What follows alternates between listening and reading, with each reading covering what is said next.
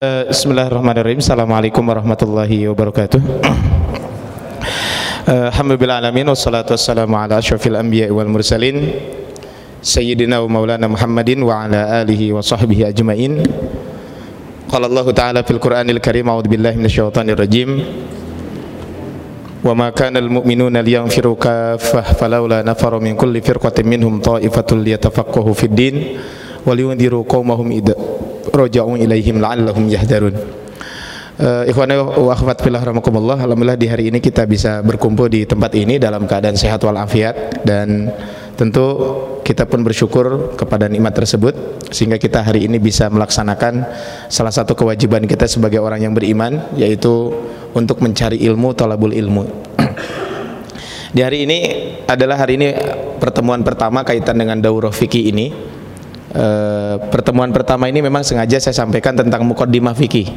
Ya, jadi saya akan sampaikan tentang mukaddimah fikih. Jadi kalau kita ingin membaca fikih, ya ini poin hari ini adalah kita akan hanya membahas tentang pengantar saja.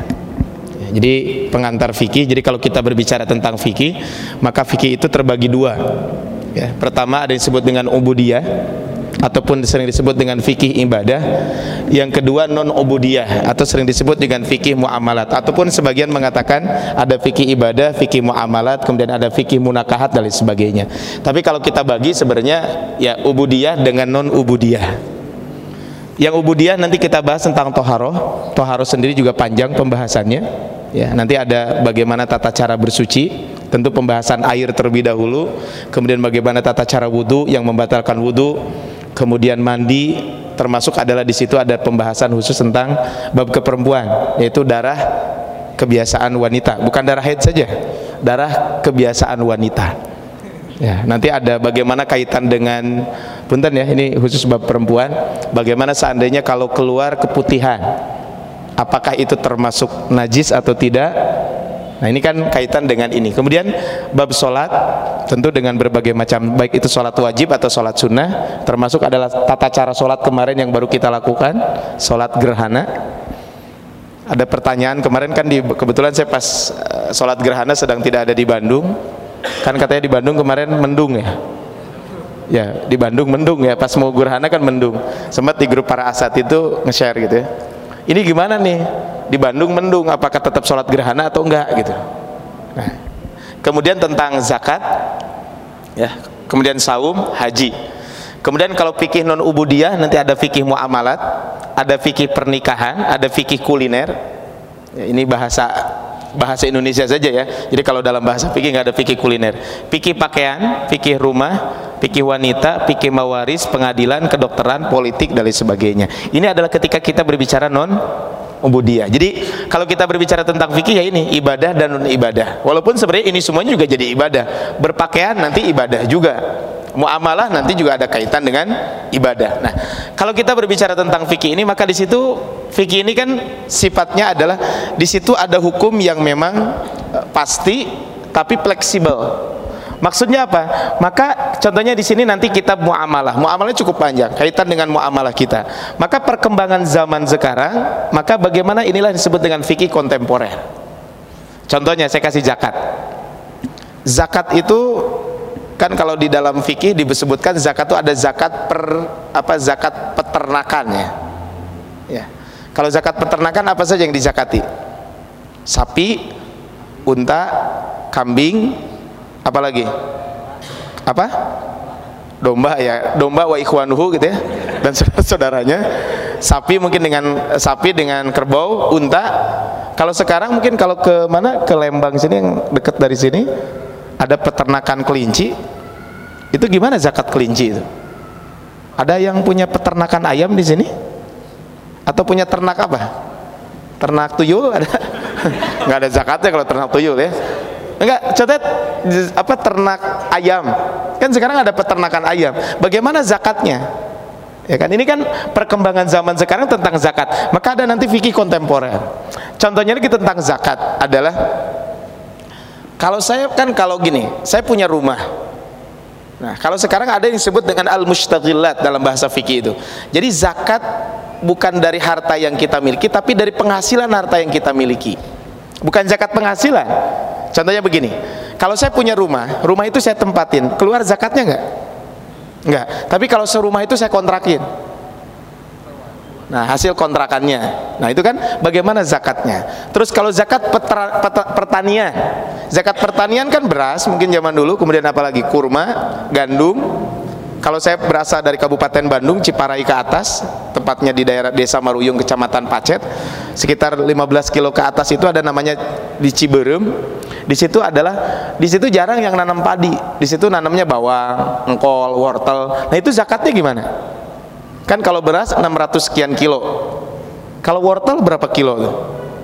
Terus mungkin ada petani durian, dur, apa durian, duren atau petani sekarang yang sedang musim rambutan. Bagaimana zakatnya? Ini kan masalah kontemporer.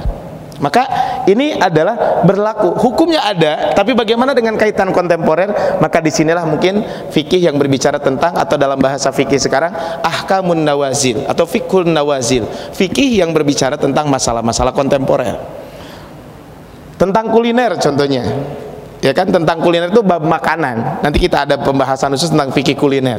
Bagaimana hukum makanan kan kalau babi jelas haram.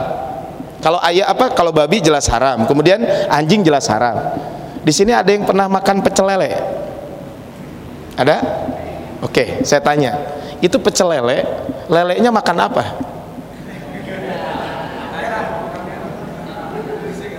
Oke, satu lagi. Pernah makan ayam? Di pecel lele kan ada lele, ada ayam. Tahu nyembelihnya gimana? Di metode kontemporer sekarang apa di, di metode kontemporer sekarang. Di sini ada yang pernah nyembelih ayam 5000 ekor? Enggak, berapa ribu ekor pernah disembelih? Belum pernah kan? Atau belum pernah nyembelih? Oh, belum pernah.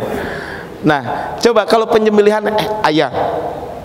Kan kalau nyembelihnya satu sih begini ya. Kalau nyembelihnya 5000 satu-satu begini kan menggunakan alat nah masalah kontemporer sekarang adalah apakah contohnya ayam itu kan nanti diputerin tuh digantung diputerin nanti apakah setiap jadi kalau saya liatin bismillah bismillah atau cukup bismillahirrahmanirrahim nah ini kan masalah kontemporer sekarang Nah, ini hal-hal seperti ini maka kaitan dengan kontemporer. Apalagi masalah ini, masalah kedokteran. Memang tidak ada mungkin bab fikih kedokteran secara khusus tidak ada. Tapi zaman sekarang kan ada tentang kedokteran. Contohnya bagaimana hukum uh, saya pernah ngisi di atas di kampus di apa ada kebidanan. Waktu itu saya ngebahas tentang bagaimana hukum bayi tabung. Saya awalnya bayi tabung tuh nggak paham seperti apa sebenarnya gitu ya. Dikira tuh disimpan di tabung kan? Nggak ternyata. Jadi jangan bayangkan bayi tabung itu disimpan di tabung enggak. Kan punten, sperma laki-laki dan sperma perempuan di apa di disatukan di luar ya. Pembuahannya dilakukan di luar kemudian setelah proses itu maka disuntikan ke perut perempuan. Nah boleh atau enggak dalam hukum syariat? Tentu ada kaidah-kaidahnya ini kan masalah baru. Zaman dulu nggak ada proses ini. Bagaimana hukum syariat? Contohnya ini ya saya sampaikan. Ini kan bab kontemporer. Maka secara syariat boleh dengan syarat satu. Uh, spermanya itu adalah sperma laki-laki dan perempuan yang memang itu milik suami istri tidak boleh beli keluar gitu. Ya kan zaman sekarang kan tidak boleh beli keluar. Nah itu satu. Yang kedua disimpan di rahim istrinya. Tidak boleh rental rahim. Bisi kan ada seorang istri saya malas hamil ah rental aja ke orang gitu. Dan sekarang ada. Ada orang yang siap untuk jadi apa nitip janin. Nah, ini kan nah masalahnya ini kan nggak boleh kalau seperti ini. Nah, yang jadi masalah sekarang adalah seandainya si A punya istrinya dua. Si A punya istri dua. Istri A apa istrinya B dan C. Contohnya gini, si A dengan si B kan sama-sama istrinya melakukan tadi karena si B ini tidak punya anak terus, menurut dokter ini enggak apa menurut dokter ini karena ada apa sebagainya, dilakukanlah bayi tabung kemudian setelah proses itu dilakukan maka dicitipkan di si C. Si C ini istri kedua. Boleh atau enggak? Kan kalau dititipin di istri orang nggak boleh. Tapi ini di istri yang kedua. Tapi kan masalahnya sel telurnya dari istri pertama. Boleh atau enggak nah ini makanya ini masalah fikih kedokteran contohnya fikih pakaian ya kan fikih kuliner apa banyak kaitan dengan ini fikih pernikahan dan sebagainya tapi ini adalah dalam bahasa kita kalau uh, Profesor Dr. Wabah Zuhaili menyebutkan ada fikih ibadah ada fikih muamalah Fikih muamalat apa? Ya kurang lebih berbicara tentang ini. Walaupun mungkin beda istilah saja. Ya, beda istilah saja. Cuman kalau ke Indonesiaan kurang lebih mungkin ada seperti ini. Ya ada pengadilan, kedokteran dan lain sebagainya. Nah, ini adalah kalau kita berbicara tentang fikih ini. Nah, saya sekali lagi adalah hari ini hanya akan membahas mukaddimah fikih saja. Nah, ini mungkin akan saya bahas ya uh, kaitan dengan bagaimana pengantar ilmu fikih ini. Karena ini penting kita bahas di awal supaya apa? Supaya kita tahu bahwa ternyata ilmu fikih itu adalah ilmu yang berlandaskan kepada Al-Qur'an dan sunnah Nabi. Jangan sampai kita berpikir bahwa ilmu fikih itu adalah ilmu ciptaan ulama. Enggak. Jangan sampai kita berprinsip seperti itu. Dan apalagi dalam dunia kontemporer sekarang sangat banyak. Saya wajah-wajah ini sini wajah GrabFood dan GoFood semua kayaknya nih. Ya, betul. Ini kontemporer loh sekarang. Bolehkah GrabFood dan GoFood? Ini kan contohnya masalah kontemporer kan. Apakah ulama ketika mengatakan boleh dan tidak itu langsung saklek berdasarkan istihadiyah? Betul istihadnya, tapi istihad yang berlandaskan dalil. Maka tadi kalau kita lihat di sini ada perkembangan kontemporer di situ. Ada perkembangan bab kontemporer. Contohnya lagi. Ada yang pernah beli online di marketplace lain sebagainya kan kalau jual beli di antara rukunnya ada ijab kabul kalau di kampung dulu saya beli minuman. Nyangaken barangna nampi artosna. Kan begitu ya? Jadi saya serahkan barangnya saya terima uangnya. Itu kata pedagang. Kalau kata pembeli apa saya terima barangnya saya serahkan uangnya. Kan biasanya di kampung mah begitu. Ya, nyanggakan artosna nampi barang nacing awet anu ngangokna gitu. Awas hati-hati. Itu pedagang tuh pinter ngaduakeun anak jadi saya serahkan uangnya, apa? Saya serahkan barangnya, saya ambil uangnya. Mudah-mudahan yang makainya awet. Jadi bukan barangnya yang awet, yang makainya awet. Sehingga nanti kalau barangnya rusak kan beli deh kan? Nah itu pedagang. Nah sekarang kalau jual beli online ada kan? Ijab kabulnya kumaha? Ijab kabulnya gimana? Oke, saya lihat bab nikah kontemporer sekarang. Ini ada yang belum nikah? Oh banyak. Baik, ya, ya.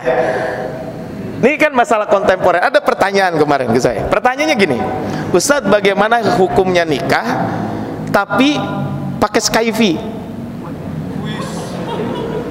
Ijab kabulnya pakai Skype atau mungkin sekarang pakai video call. Kalau dulu karena saya saya masih zaman jadul ya, sekarang jarang yang punya Skype.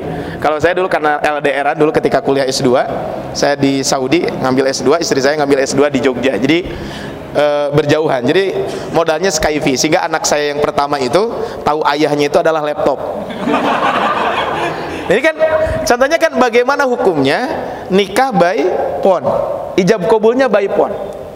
Bisa jadi kan apa mertuanya sedang di Amerika gitu ya kan sedangkan orang tuanya itu ingin menikahkan anaknya bolehkah nikah pakai telepon? Ini kan masalah kontemporer. Nah makanya ini penting kita bahas kaitan dengan bab fikih ini. Sebagai mukaddimah awal adalah bagaimana kaitan dengan fikih ini? Tapi kita akan bahas kaitan dengan fikih ini. Yang pertama adalah pengertian fikih itu apa? Tentu kalau pengertian fikih pertama dari sisi bahasa. Fikih itu dari sisi bahasa adalah al-fahmu ya dari kata faham ataupun mengerti Lihat di dalam surat Hud ayat 91 ya. Walaupun kalau kita lihat kaitan dengan makna fikih ini adalah maknanya itu ada dua faham di sini. Ada al-fahmul mujarrad, ada al-fahmud daqiq. Ya. Ada al-fahmu al-mujarrad ya. Ada paham hanya paham saja. Itu lihat di dalam surat Hud ayat ke 91. Di sini disebutkan qalu ya syuaibu mereka berkata, "Hai Syuaib, ma nafqahu katsira." Kami tidak banyak mengerti mimma taqulu apa yang kamu katakan itu. Jadi kalau kita berbicara tentang fikih, fikih itu secara bahasa adalah al-fahmu al-mujarrad. Hanya paham saja. Ya, hanya paham, paham saja. Kan di sini apa? Kami tidak mengerti tentang apa yang kamu ucapkan. Artinya apa? Gak ngerti sama sekali. Ini namanya adalah manafqahu katsiran mimma. Sebagian lagi mengatakan enggak secara bahasa adalah namanya fikih itu adalah al-fahmu ad-daqiq. Pemahaman yang apa? Ad-daqiq itu adalah pemahaman yang mendalam. Lihat di dalam Al-Qur'an, di dalam surat uh, At-Taubah di ayat ke-122. Wa ma kana al mu'minuna liyanfiru kaffah falawla nafaru min kulli firqatin minhum ta'ifatun liyatafaqahu fid din wa liyunziru qaumahum idza raja'u ilaihim la'allahum yahdarun. Di sini ada kata-kata apa di dalam apa di dalam ayat ini disebutkan liyatafaqahu fid din jadi kaitan dengan berjihad, jangan sampai semua orang berjihad, tapi hendaklah ada segelintir orang, sebagian orang yang yatafaqahu. Bahasanya adalah yatafaqahu. Bukan hanya paham, tapi al-fahmud daqiq, paham yang sangat detail. Dan itu adalah maknanya fikih. Lihat di dalam surat At-Taubah ayat ke 122. Baik, sekarang kita bahas secara istilah ya. Secara istilah apa yang dimaksud dengan fikih? Fikih itu memang banyak para ulama meng, apa, mengartikan kaitan dengan fikih itu. Tapi kalau kita lihat pertama adalah fikih itu adalah al-ilmu. Jadi yang pertama adalah fikih itu adalah ilmu. Ya, makanya kalau kita berbicara tentang fikih sekali lagi adalah sesungguhnya kita berbicara tentang ilmu. Artinya namanya ilmu kan ada kaidah-kaidah yang harus kita pahami. Makanya nanti ada yang disebut dengan al-qawaid al-fiqhiyah, kaidah-kaidah fikih. Contohnya, ya, ini kaidah fikih. Ad-daruratu tubihul mahdurat. Yang namanya darurat itu membolehkan sesuatu yang dilarang. Ini kan kaidah fikih. Artinya ilmu.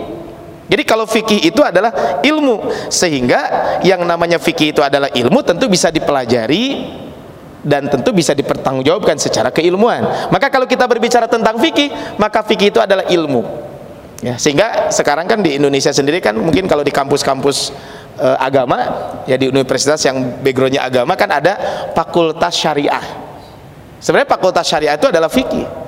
Kalau saya dulu ketika kuliah S1 itu adalah fakultas syariah. S1 nya adalah semuanya sama jadi umum fakultas syariah.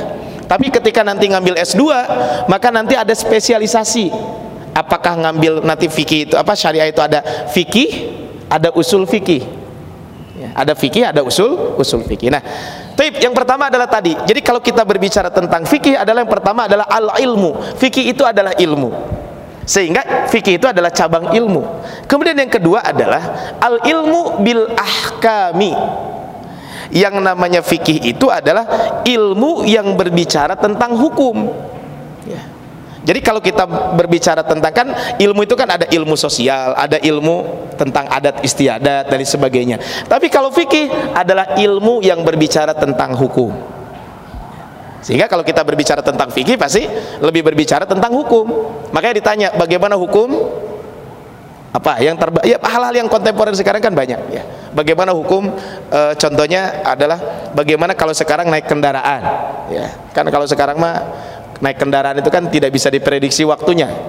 Ya tadi saya ngobrol sebentar tadi apa saya jam 12 janjian dengan teman ada rapat ya sekaligus kajian. Kemudian janjian tadi jam jam sebelah apa jam 12 kata beliau anak OTW ini dari Lembang gitu ya. Oh, OTW itu kan oh tungguan we gitu nya. OTW nggak bisa tungguin gitu. Ya karena normal kan Lembang ke Supratman kan nggak jauh lah ya barusan saya buka di grup lagi karena ada di grup. Kita udah selesai tadi jam 3 karena bilang saya izin karena ada acara di apa di Al Murabi kemudian tadi jam 4 yang dari Lembang tuh kok kosong tempatnya? Ya jam 4 baru nyampe 4 jam. Ini kan kaitan dengan hukum. Nah pertanyaannya bagaimana hukum sholat di kendaraan? Sholat di kendaraan. Rasul pernah sholat di kendaraan? nggak pernah. Kecuali Rasul itu sholat sunnah Salat sunnah pernah Rasul di kendaraan. Tapi kalau salat wajib nggak pernah di kendaraan. Saya pernah waktu ta, apa tahun kemarin kalau salah mengisi di sini. Saya dari kata apa dari Supratman ke sini itu satu jam lebih. Padahal kalau jalan dari Supratman ke sini berapa menit? Lewat playover kan tinggal ke atas saja. Supratmannya di ujung kan bukan Supratman di awal. Artinya apa? Kan dekat, tapi kan dalam kondisi macet tidak bisa diprediksi saya pernah dari rumah saya ke apa ke Samsat. Kan rumah saya di daerah Kira Condong. Itu jalan dari depan rumah saya ke Samsat itu. 5 menit nyampe. Saya pakai mobil 45 menit. Jadi 45 menit. Karena di situ lampu merahnya lama. Nah, ini kan bisa dibayangkan. Bagaimana masalah hukum ini? Contohnya hukum sholat di kendaraan. Nah kan kalau sholat di kendaraan kalau saya bawa kendaraan sendiri kan tinggal belok aja kan selesai gitu. Tapi kan kalau yang dulu pernah macet di mana? Di Brexit itu atau di apa yang sekarang tol yang terbaru itu? Yang di apa ja, apa Jabek apa namanya? Jakarta apa Jakarta yang tol yang terbaru di Jakarta itu kan itu kalau macet di atas bisa turun hela gitu. Kan itu nggak ada nggak ada pintu keluarnya. Jadi di atas gitu kayak di flyover lah. Coba kalau ada yang kejebak macet di flyover 5 jam kira-kira mau turun ke mana? Flyover sini nih. Bisa turun? Enggak kan? Nah itu gimana sholatnya contohnya jam 11 saya mau ngejar waktu duhur di sini kan kalau normal saya dari dari apa dari gedung sate ke sini berapa menit Ya kalau normal 10 menit 15 menit udah kelamaan banget gitu. 10 menit udah udah lebih nyampe sini. Tapi contohnya kejebak macet di atas 5 jam. Itu bagaimana hukum sholatnya? Dan itu pernah saya mudik, itu bawa kendaraan sendiri, itu mobil nggak bisa berhenti di tol. Mau nyari masjid ke mana? Karena macetnya stuck di situ. Nah, ini kan kondisi-kondisi darurat. Atau oke okay lah kalau seperti itu kan itu mah mungkin kejadiannya jarang. Ada yang pernah ke Jogja di sini. Kalau ke Jogja naik bis, saya karena dulu istri saya di Jogja tahu jadwal bis ke Jogja nah itu saya kalau ke Jogja itu kalau naik bis itu biasanya berangkat itu setengah enam berangkat setengah enam nyampe Jogja itu sekitar jam 4 nyampe Jogja itu jam 4 kalau naik kereta berangkat jam 7 kalau nggak salah jam 7 malam uh, jam 7 malam nyampe ke sana itu sekitar jam 3 naik kereta ya. Kalau yang kereta siang apa kereta malam. Kalau kereta pagi sih jam 7 berangkat, biasanya jam 3 sore sudah nyampe di Jogja. Nah, ini masalahnya kalau naik bis normal itu jam 4 sudah nyampe ke Jogja. Nah, ini kan masalahnya begini. Dari Bandung setengah 6. Oke lah kalau maghrib isya kan masih bisa dijama. Bisa dijama nanti berhenti di daerah apa? Nanti pasti berhenti di daerah Tasik atau daerah mana? Itu kan maghrib ditarik ke isya. Ini masalahnya subuh. Subuh kalau di Saudi saya enak, supir pasti berhenti di masjid. Kalau di sini kan tidak semua perusahaan mau berhenti. Pernah saya nyampe ke Jogja itu jam 8. Sholat subuhnya di mana? di bis nah, pernah gitu Nabi sholat di bis Nah ini kan konteks kaitan dengan hukum ini kan enggak Makanya apa? Kita berbicara tentang hukum. Nah kalau berbicara hukum Nanti ada hukum itu macam-macam. Nanti ada hukum kaitan dengan hukum fikih Ada hukum akidah dan lain sebagainya. Makanya di sini hukum itu kan ada hukum manusia dan lain sebagainya. Maka kalau kita berbicara fikih Maka yang berikutnya adalah ilmu tentang hukum. Tapi hukumnya apa? Hukum syariah al ilmu bil ahkam asyariyah dalam bahasa Arabnya adalah al ilmu bil ahkam asyariyah artinya apa? Hukumnya itu bukan hukum buatan manusia tapi hukumnya adalah hukum hukum syariat. Sehingga kalau kita berbicara fikih pasti bicara fikih adalah bicara tentang syariat. Jadi nggak usah khawatir oh berarti fikih mau buatan ulama. Enggak. Fikih itu bagian daripada syariat. Makanya nanti kita bahas kaitan dengan landasan fikih itu ya. Maka kaitan dengan ini apa? Hukum itu kan macam-macam. Maka hukum fikih adalah hukum yang berkaitan dengan dengan syariat. Sehingga kalau kita berbicara tentang fikih sekali lagi adalah 100% dipastikan berasal dari Allah dan Rasulnya. Asal sesuai dengan kaidah-kaidah yang ada. Makanya karena fikih ini ilmu, ada kaidah-kaidahnya nanti. Ketika kaidah sudah menyeleweng, itu mababnya beda. Nah, kemudian apakah tentang syariah kan banyak. Syariah itu adalah ada kaitan dengan syariah kaitan dengan fisik, ada kaitan dengan hati, maka di sini disebut dengan al ilmu bil ahkam asyariyah al amaliyah. Yang kaitan dengan aktivitas hukum fikih hanya terbatas dengan ibadah badan. Makanya kalau kita berbicara fikih, bagaimana hukum sholat? Kan begitu. Dibahas tentang pahalanya, bagaimana pahalanya? Betul ada, tapi fikih tidak membahas tentang pahala. Karena itu kan kaitan apakah dia dapat pahala berapa? Cuman kata Rasul orang yang sholat berjamaah dapat 27. Kalau dia tidak ikhlas, itu bukan fikih yang ngebahas. Nanti ada ilmu lain, yaitu nanti contohnya apa tentang tasawuf dari sebagainya. Kan hukum syariat juga. Tapi ini murni berbicara tentang fisik. Makanya kalau ada yang nanya, apakah dia jatuh talak atau tidak? Contohnya ini kaitan dengan perceraian. Nah, makanya sering sampaikan di sini ada yang ikut fikih pranikah, pada ikut ya. Tapi ada materi yang tidak disampaikan di fikih pranikah, yaitu fikih perceraian. Kalau can kawin encan guys dibahas fikih perceraian, penting saya bahas. Saya kalau di apa saya ada materinya 12 12 pertemuan tentang itu, tapi salah satunya adalah ternyata fikih perceraian juga penting. Ya contoh kan zaman sekarang bagaimana kaitan dengan perceraian contohnya? Kan ada ada ungkapan yang sorry yang jelas ada ungkapan yang tidak jelas kalau tidak jelas tuh gini pulangkan saja kepada ibumu kan ada tuh ya kan seperti itu Nah ini kan apakah itu kan itu apakah itu jadi nikah apa cerai atau tidak secara fikih maka apa? Ini karena ini tidak langsung maka dibahas. Ini kalau begini begini dan sebagainya. Tapi masalah niat urusan dia dengan Allah Subhanahu wa taala. Karena kalau kalau dengan kata-kata cerai maka mau bercanda mau enggak jatuh Tapi kalau dengan kinayah maka itu tidak jatuh. Makanya kaitan dengan amalia. Ya bentuknya adalah amalia. Sehingga kalau berbicara tentang fikih adalah aktivitas badan. Makanya tadi coba lihat fikih. Ada nggak berbicara tentang apa? Tentang kaitan dengan ruh dan sebagainya? Enggak. Semuanya berbicara tentang badan. Kemudian al-muktasab ya kata para ulama mengatakan al-muktasab min adillatiha at-tafsiliyah. Yang mana yang dalilnya itu adalah yang diistimbat dari dalil-dalil yang terperinci. Makanya kalau kita berbicara tentang fikih ini adalah berarti dalilnya adalah ada. Dalilnya apa? Dalilnya terperinci. Sehingga sekali lagi adalah kalau kita berbicara tentang fikih ini adalah ada sebagian orang beranggapan bahwa fikih itu sekedar karangan ulama saja.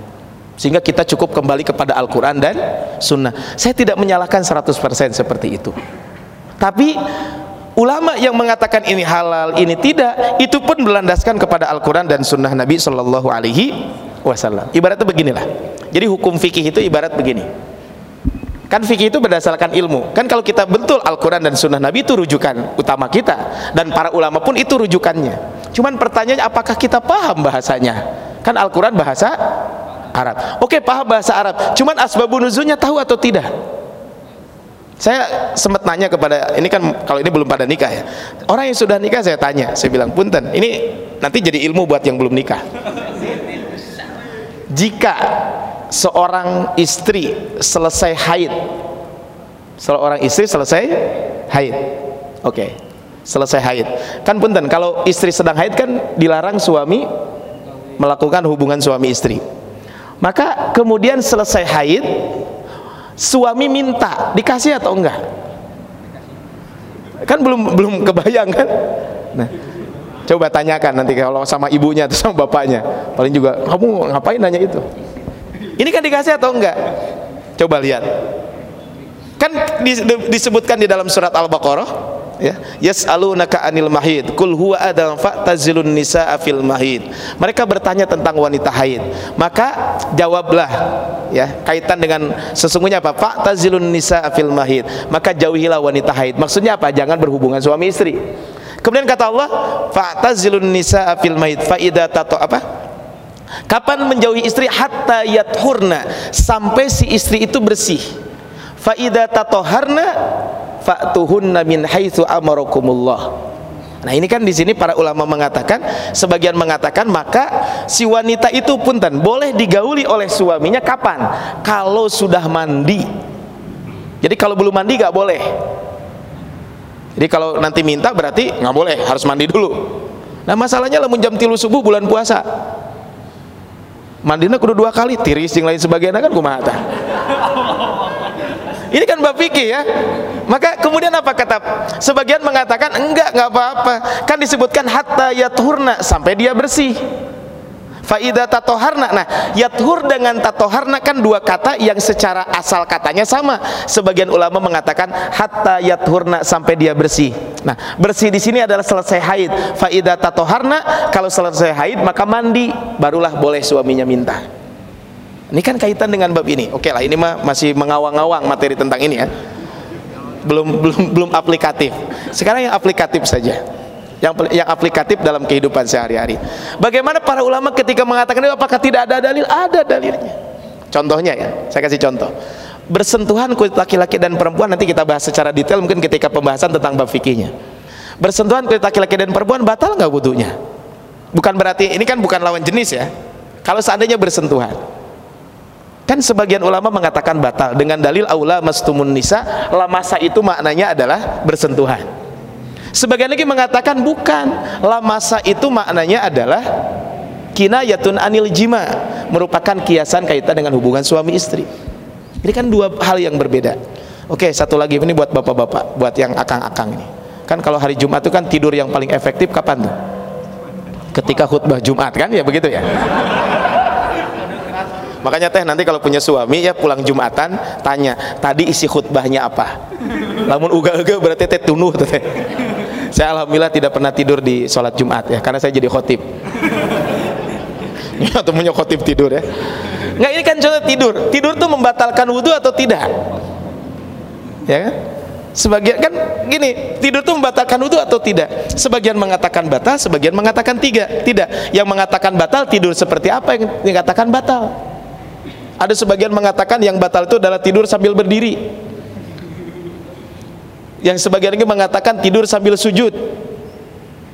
Kalau tidur sambil duduk tidak batal, kenapa? Punten. Karena di dalam hadis tidak disebutkan Apakah tidur banyak atau sedikit kan nggak disebutkan. Ini kan pemahaman para ulama, tapi mereka punya dalil. Kan ada hadisnya begini, para sahabat duduk di masjid nunggu sholat isya sampai kepalanya tertunduk-tunduk. Tidur artinya. Kemudian sholat tanpa wudhu lagi. Berarti kan kalau begitu tidur tidak batal. Tapi kata Rasul pernah mengatakan ya disebutkan dalam dalam sebuah hadis apabila kamu tidur maka wudhulah dalam hadis lain mengatakan al ainu wika isahi yang namanya mata itu adalah pem, apa punten klep untuk kentut atau tidak. Kan kalau sedang tidur ada yang sadar kentut? Kalau sedang bangun kan kentutnya ada yang disedikitin keluarnya ada yang banyak kan macam-macam kan? Tapi kalau sedang tidur ada? Ditahan ah kentutnya kan nggak bisa ini kan maka ada dalil ternyata para ulama membahas tentang itu dan ini dibahas dalam apa al adillah at tafsiliyah jadi murni berdasarkan dalil itu dan dalilnya sama yang terakhir contohnya punten, bersentuhan apa? Tadi kan bersentuhan kulit takil perempuan. Nanti kita bahas detail mungkin ketika pembahasan tentang bab itu. Contohnya lagi punten, memegang kemaluan, batal nggak wudhunya? Kan ada dua hadis Nabi. Satu mengatakan kata Rasul, barang siapa memegang kemaluan maka batal. Hadis lain mengatakan enggak. Kan ada sahabat nanya ya Rasul saya sedang sholat gatal apa? Kemudian saya pegang kemaluan saya. Apakah sholat saya batal atau tidak? Kata Rasul, enggak sebagaimana kamu megang daging yang lain karena itu adalah bud'atun minka. Itu bagian dari dagingmu. Sebagaimana kita megang hidung, ya megang kemaluan juga sama. Itu bagian dari tubuh kita. Kalau megang hidung batal wudhunya? Megang hidung ini atau ngupil? Makanya apa bedanya upil dengan apel? Ada yang tahu kalau upil mah disimpannya di bawah meja, kalau apel di atas meja. Itu zaman dulu tah kersarakola tah. Tapi ini kan contohnya apa? Dan sehingga para ulama apa? Ketika menerima dalil apa ketika ada dalil seperti itu disimpulkan. Ada sebagian ulama menyimpulkan begini. Jika ya menyentuhnya langsung ya menyentuh kemaluan langsung pakai tangan, maka batal wudhunya. Dengan dalil barang siapa yang memegang kemaluan maka batal wudhunya. Kemudian kalau tidak langsung memegangnya ada penghalang maka tidak batal. Dengan dalil apa? Tadi kan lagi sholat kira-kira punten. Kalau gagaruk lagi sholat kira-kira apa? Di dalam celana atau di luar celana? Di luar celana. Di luar celana kan berarti ada penghalang. Ini kesimpulan artinya apa? Artinya ternyata jadi jangan disepelekan ya perbedaan-perbedaan fikih seperti itu. Ternyata apa? Itu apa? Itu yang diistimbat. Istimbat itu apa? Disimpulkan dari dalil-dalil yang terperinci. Makanya kalau saya ada buku ya di rumah uh, Al-Fiqhul Islami wa Adillatu yang ditulis oleh Profesor Dr. Wabah Zuhaili. Bukunya 10 jilid. Itu berbicara fikih dari A sampai Z.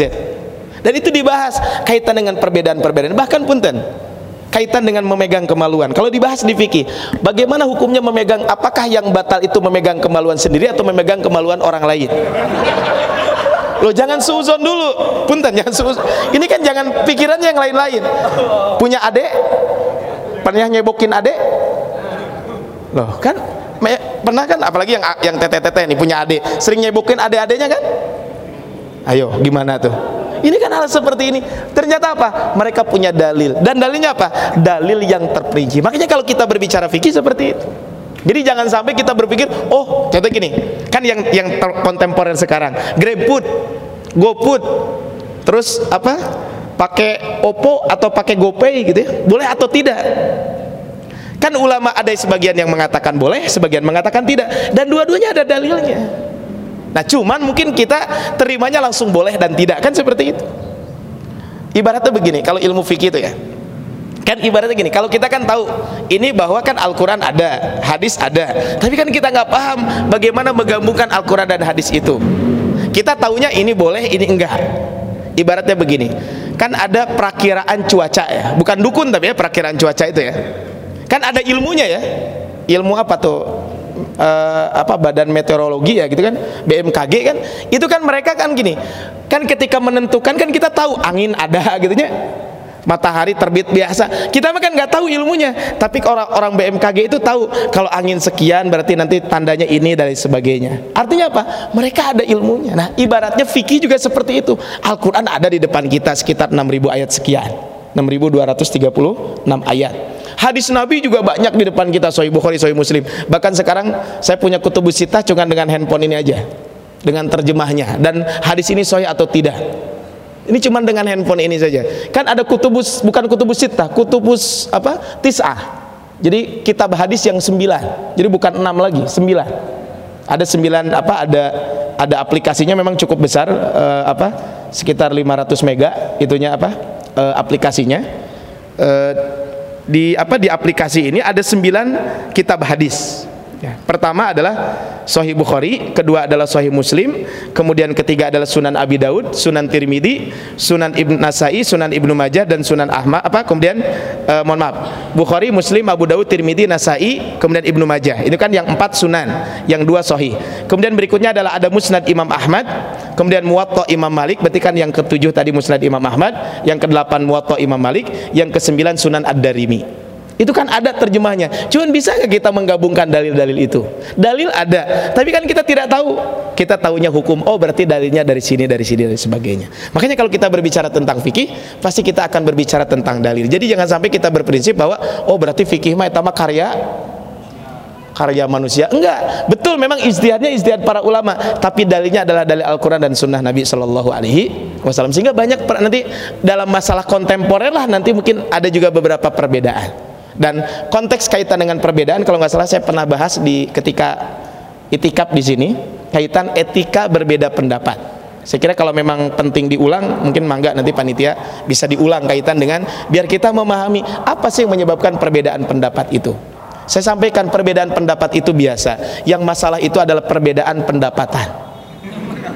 Itu yang masalah ya. Taib.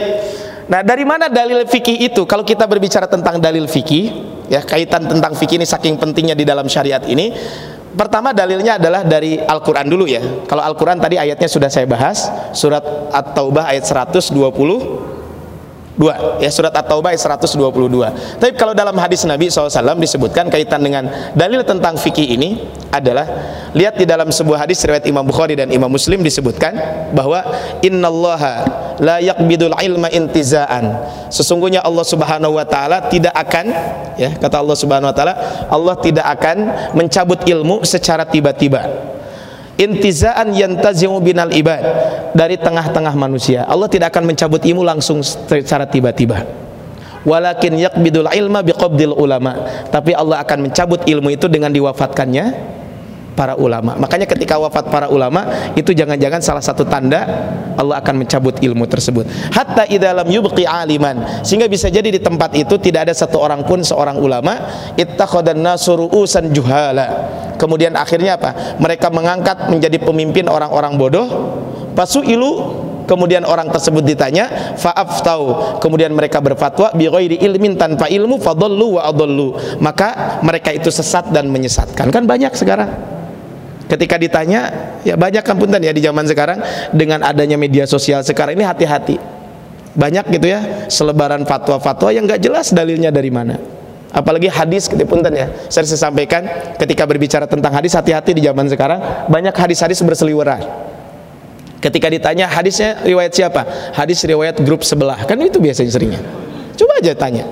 Saya kalau ada yang nge-share apa gitu ya, Ustaz bagaimana ini? Saya bilang coba tanya sama yang nge-share-nya atau jangan tanya ke saya. Ya biar dia juga berpikir gitu. Saya pernah nanya ke seseorang nge-share satu hadis. Saya bisa ke Japri.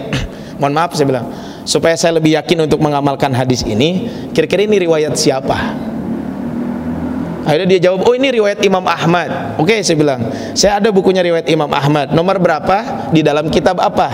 Kan Imam Ahmad banyak bukunya. Ada Musnad Imam Ahmad 52 jilid mah nggak bisa ke rumah ada bukunya 52 jilid itu bukunya 52 jilid saya bilang dalam riwayat Imam dalam apa? Dalam Sahih Bukhari. Saya bilang sejak kapan Imam Ahmad meriwayatkan dalam Sahih Bukhari kan? Ada saya tanya lagi, Pak yang benar Pak, ini saya ada Sahih Bukhari nomor berapa? Sejak kapan Imam Ahmad meriwayatkan hadis dalam Sahih Bukhari? Imam Ahmad itu punya buku hadis namanya Musnad Imam Ahmad. Bukhari punya buku namanya Al Jami As Sahih. Itu bukunya punya Imam Bukhari. Kemudian setelah itu saya tanya lagi, akhirnya kata dia, ya katanya, saya juga dapat dari orang gitu ya. Nah, ujung-ujungnya apa? Hadis riwayat Google kan ada ujungnya seperti itu. Dan itu tuh banyak. ya, kaitan dengan hadis A, hadis B dan sebagainya. Apalagi punten yang belum nikah, itu ada. Saya sempat dapat dalil ya, ketika belum nikah dulu, dapat dalil eh, pas awal nikah.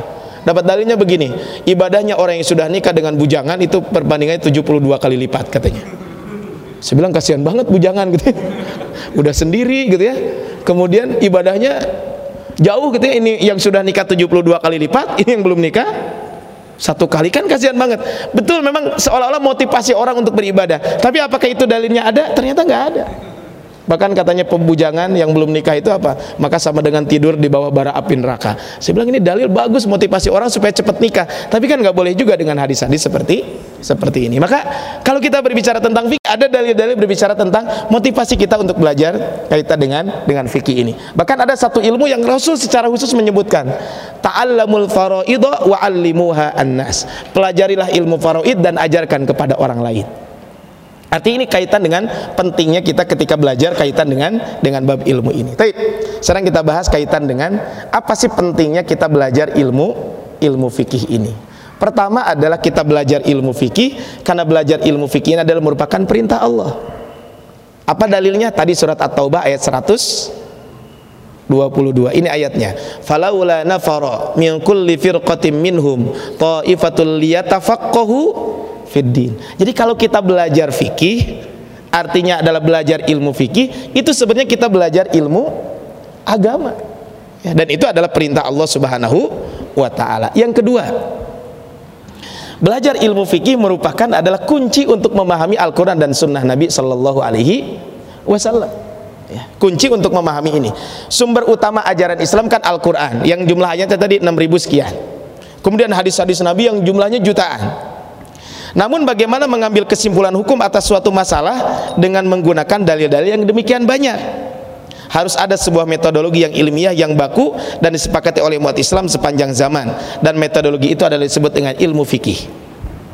Coba, kapan sholat itu diwajibkan? Kan ada dalilnya wa aqimus sholat dan dirikanlah sehingga ada kaidah fikih.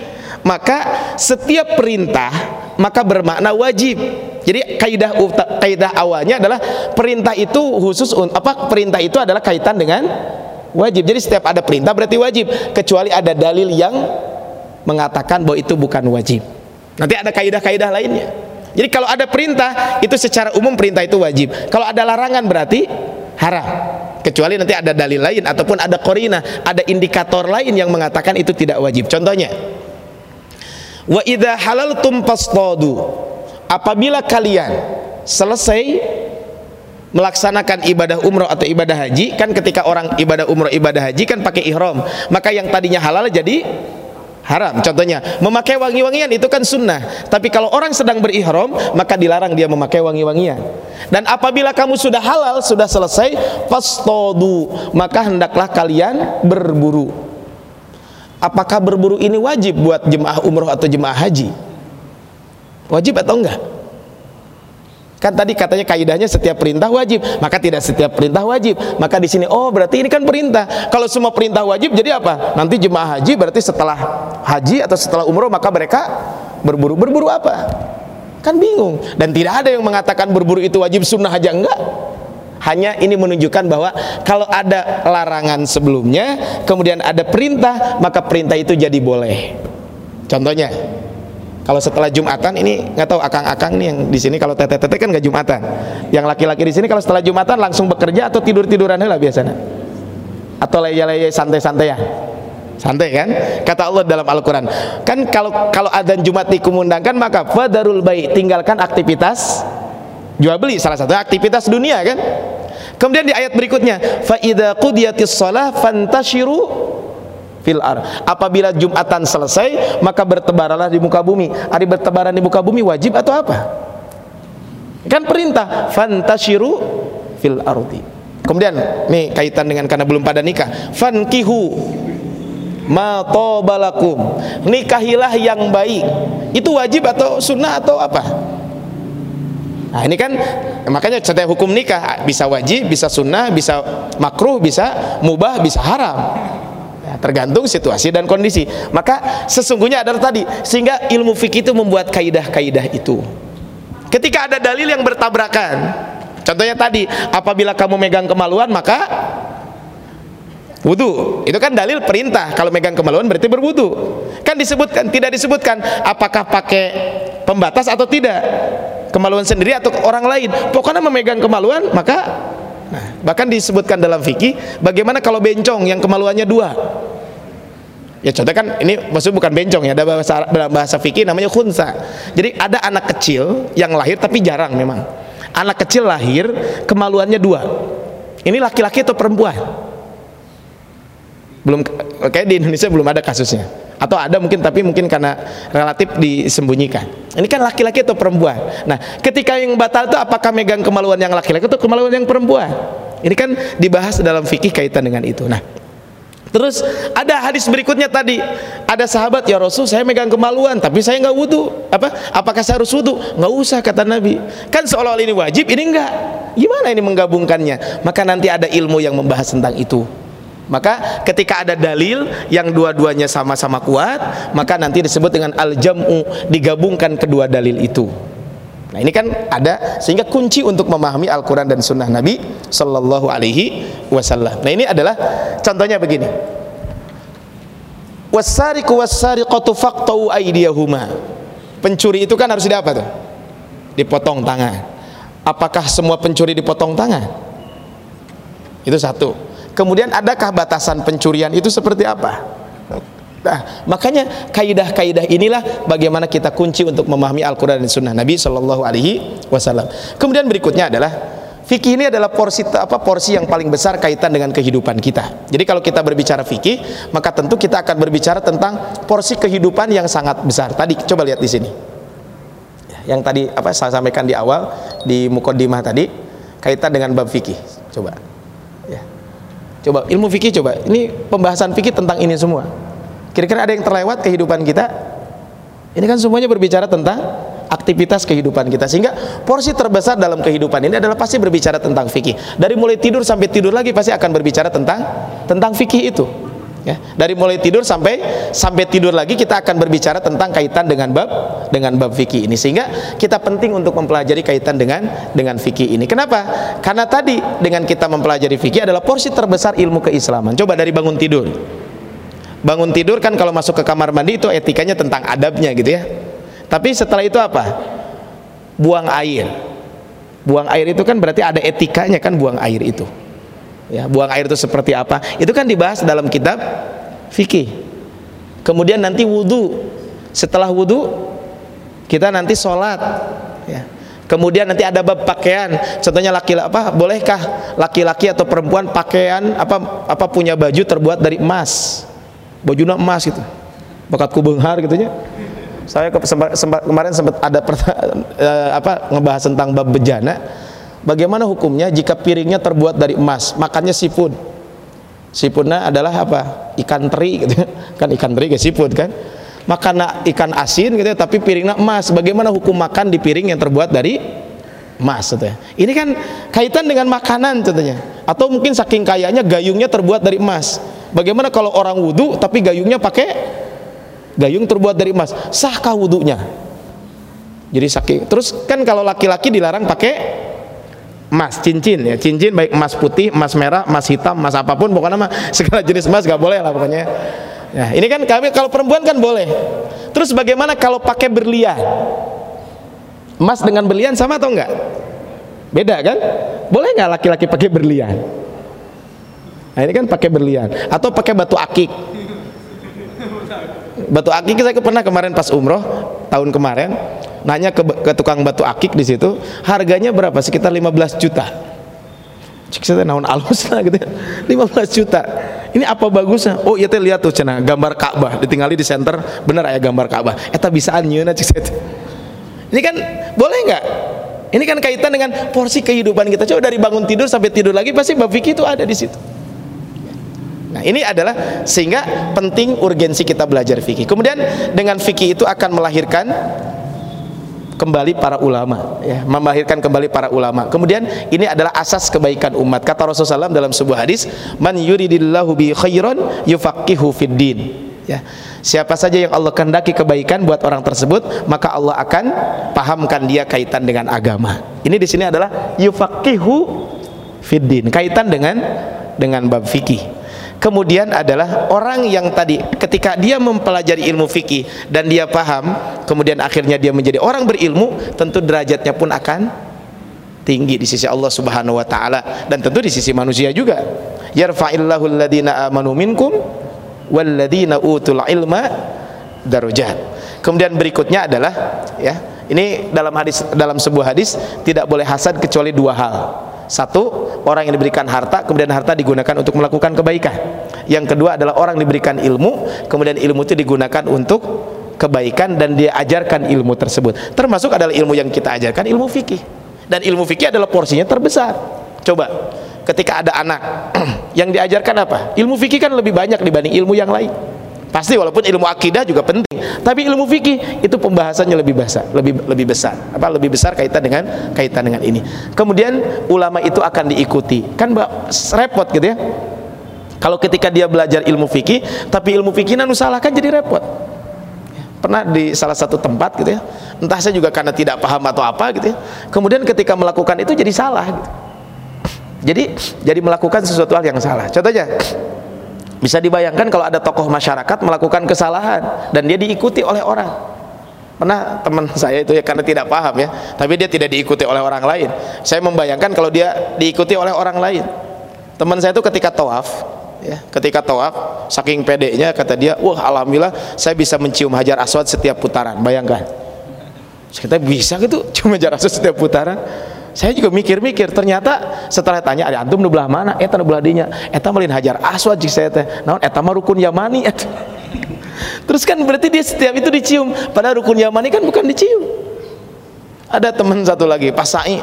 Saya mah udah santai gitu nya onggang-onggang kaki gitu nya hari dia teh masih sa'i saya tadi antum lila ting masa itu tadi? Kan saya itu tujuh putaran. Tujuh putaran kan sofa marwah satu putaran. Marwah sofa dua putaran. Hari teman saya sofa marwah marwah sofa dihitung satu putaran. Atau jadi empat belas putaran.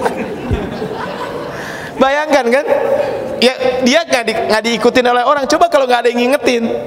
Kemudian dia jadi tokoh masyarakat kan akhirnya apa? Jadi diikuti. Dan di kita banyak tuh. Coba. Coba inget gak dulu lagi kecil? Kentut lagi puasa batal nggak wudhunya kentut di air lagi puasa. Batal nggak wudhunya dari mana coba dalilnya? Tiba hela kan menurut orang tua kita itu teh batal. Ya kan kentut saya bilang betul kentut di air itu bisa batal kalau sambil makan permen. Ya kan bukan kentutnya tapi makan permen. Ini kan banyak coba bayangkan. Ketika tidak paham akhirnya apa? Banyak melakukan yang aneh-aneh. Saya pernah lihat manasik gitu ya di salah satu tempat kebayang gitu ya jadi ketika orang tidak paham, ada melakukan sesuatu yang ini dan pernah ada ya ini karena tadi ketika tidak paham diikuti. Pernah ini istri saya cerita. Ada di sebuah tempat orang sedang manasik. Tata cara tayamum itu adalah katanya apa? Pertama ambil debu, kemudian usap muka, usap tangan, usap kepala, usap telinga, usap kaki. Eta mah wudu Coba bayangkan. Ya kalau orang paham kan, nah itu kalau nggak paham diikuti dan itu teh banyak kan. Di kita hal-hal yang tadi yang apa yang sudah mendarah daging tapi seolah-olah itu adalah bagian dari agama. Contohnya yang saya ingat mah dari sejak dulu adalah kentut di air ketika sedang puasa. Itu batal. Saya sampai mencari-cari dari mana dalilnya gitu ya. Kan tidak ada. Nah makanya tadi pentingnya kita mempelajari ini. Kemudian berik apa? Kemudian berikutnya adalah menghilangkan perpecahan. Ini kan penting ya. Kenapa? Karena ketika kita memahami fikih seperti ini, kita akan paham oh ternyata begini loh dalil-dalil sebagainya. Sehingga para ulama syariat terbiasa berbeda pendapat. Selama itu adalah masih dalam ranah hukum yang memang ijtihadiyah di situ. Dan itu biasa. Imam Ahmad pernah ditanya. Di sini ada apa? Imam Ahmad pernah ditanya begini. Imam Ahmad mengatakan bahwa orang yang mimisan, orang yang mimisan itu wudhunya batal. Jadi kalau ada orang mimisan maka wudhunya batal. Itu kata Imam Ahmad. Kemudian Imam Ahmad pernah ditanya, wahai Imam Ahmad, bagaimana jika saya bermakmum kepada seseorang yang dia habis mimisan tapi nggak wudhu? Apakah saya harus sholat di belakang orang tersebut? Apa kau coba jawab Imam Ahmad? Kata Imam Ahmad, apakah kamu tidak mau sholat di, di, di, diimami oleh Malik, Imam Malik? Apakah kamu tidak mau sholat diimami oleh Said bin Al Musayyib? Yang mereka Imam Malik mengatakan mimisan itu tidak membatalkan wudhu makanya kalau kita berbicara tentang membatalkan wudhu Syekh Abdul Al-Basam menarik membagi kaitan dengan hal yang membatalkan itu ada dua kata Syekh Abdul Al-Basam. Pertama, membatalkan wudhu karena hadas. Yang kedua adalah karena akan menimbulkan hadas. Kalau hadas kan kentut. Kemudian apa lagi? Buang air besar, buang air kecil, itu kan hadas. Kemudian keluar darah haid, itu kan hadas jelas. Nah, mau sedikit, mau banyak, mau sengaja, mau enggak, pokoknya batal weh pipis ah daya mah sengaja gitu kan sedikit tak batal enggak pokoknya batal ya. Nah, adapun selainnya itu adalah sesuatu yang menyebabkan munculnya hadas. Makanya tadi tidur itu batal atau tidak? Sebagian ulama batal, sebagian mengatakan tidak. Karena tidur itu bukan hadas. Cuman tidur itu ketika tidur khawatir terjadi hadas. Sehingga sebagian ulama mengatakan tidur itu mau lama, mau sebentar, yang penting pasti dia tidak kentut, maka tidurnya apa maka tidak membatalkan wudhu coba bayangkan kaitan dengan ini sehingga menghilangkan perpecahan itu. Ketika terjadi perbedaan ya udah selama perbedaan itu adalah memang ranah khilafiyah. Yang pernah saya bahas dikaitan dengan etika berbeda pendapat ada perbedaan pendapat itu kan ada dua. Satu dalam masalah furu yang kedua dalam usul. Dalam masalah usul masalah pokok tidak boleh berbeda. Subuh dua rakaat nggak boleh jadi tiga. Wah perbedaan ulama. Ulama mana? Nggak ada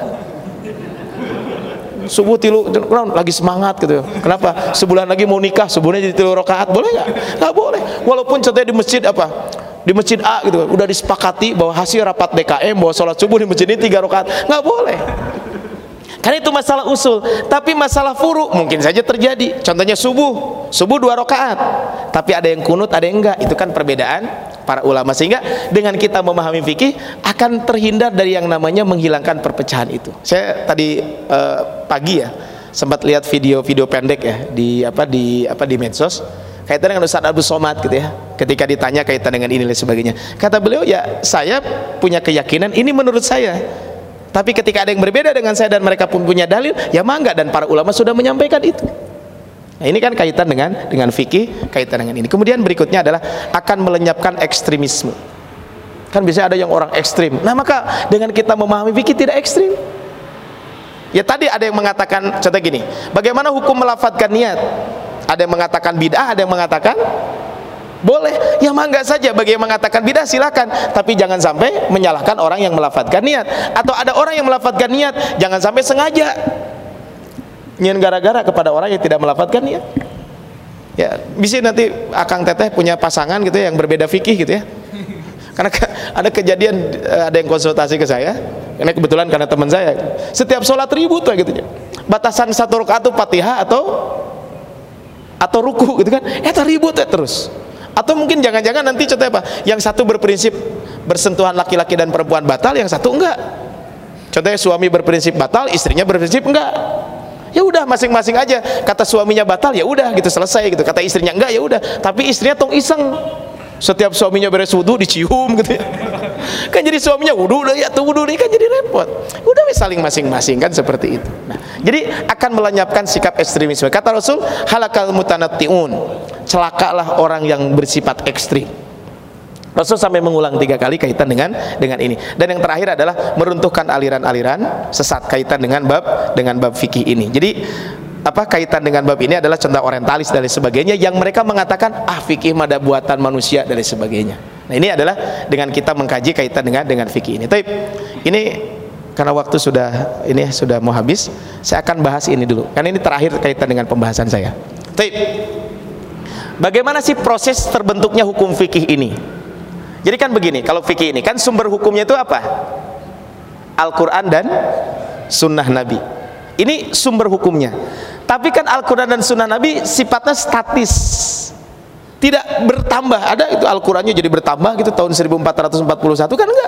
Tetap aja namanya Al-Quran dari mulai Bismillahirrahmanirrahim surat Al-Fatihah sampai minal jinnati wan nas. Menurut riwayat Hafiz itu adalah ada 6236 ayat. Tidak ada penambahan dan tidak ada pengurangan. Hadis Nabi tidak ada bertambah. Sugar ini jadi nambahan hadis Nabi?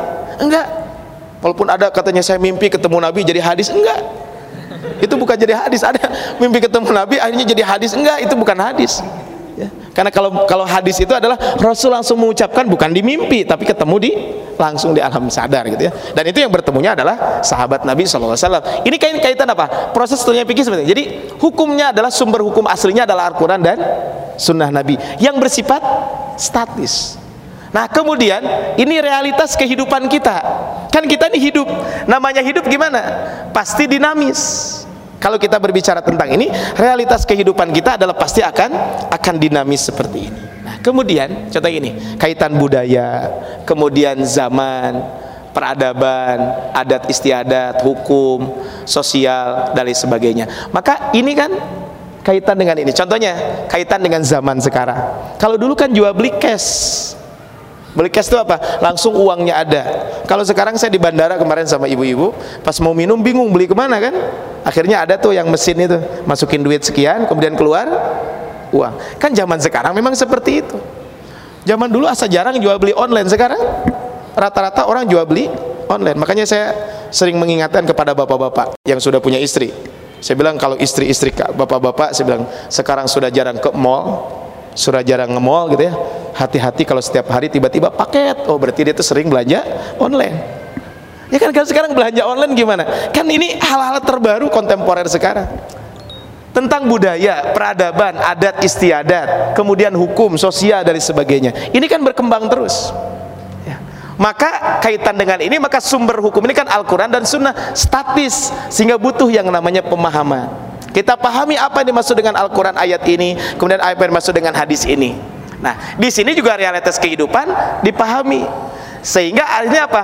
Bagaimana supaya hukum sumber hukum yang ada itu kemudian di sini ada realitas hukum yang ada hukum ini adalah perlu apa mohon maaf realitas kehidupan ini perlu hukum baru bukan hukum baru perlu bagaimana hukum ini dipahami sehingga dalilnya dipahami kemudian realitas kehidupan juga dipahami contohnya GoFood dan GrabFood lah yang yang yang yang terakhir yang sekarang rame kan ada sebagian mengatakan halal sebagian mengatakan haram kan mengatakan apa GrabFood itu sebagian mengapa kan GrabFood itu kan begini Mungkin paham semuanya kan kalau GrabFood kan.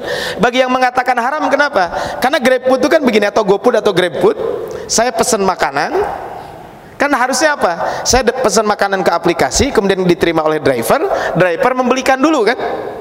Ketika driver memberikan gimana? Kata driver, maka driver itu memakai duit siapa kalau kita GrabFood atau GoFood? Pakai uang driver dulu kan berarti di situ ada transaksi hutang pihutang. Kemudian si driver datang ke saya Ketika itu saya bayar berapa? Dua item kan? Satu itemnya apa coba? Kalau di GrabFood atau GoFood kan di situ ada satu harga barang, yang kedua ongkos, artinya jasa. Ada hadis kan Rasul melarang dua transaksi apa dua akad dalam satu transaksi. Kan itu kan hadisnya seperti itu. Di situ ada aktivitas hutang pihutang, di sini ada aktivitas jasa.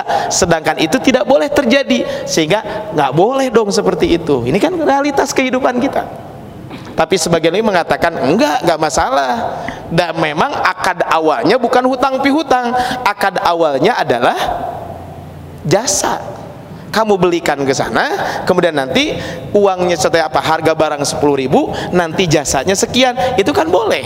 Namanya jual beli jasa. Nah sehingga ini kan maka dalil ini bagaimana dipahami realitas kehidupan kita bagaimana dipahami sehingga di sinilah muncul yang namanya ijtihad para ulama Tadi contohnya kalau dalam hal yang tadi yang satu mengatakan haram, apa misalnya, yang satu mengatakan dilarang bersentuhan laki-laki dan perempuan, apa bukan dilarang, menyentuh kulit laki-laki dan perempuan itu membatalkan, sebagian mengatakan tidak. Kenapa?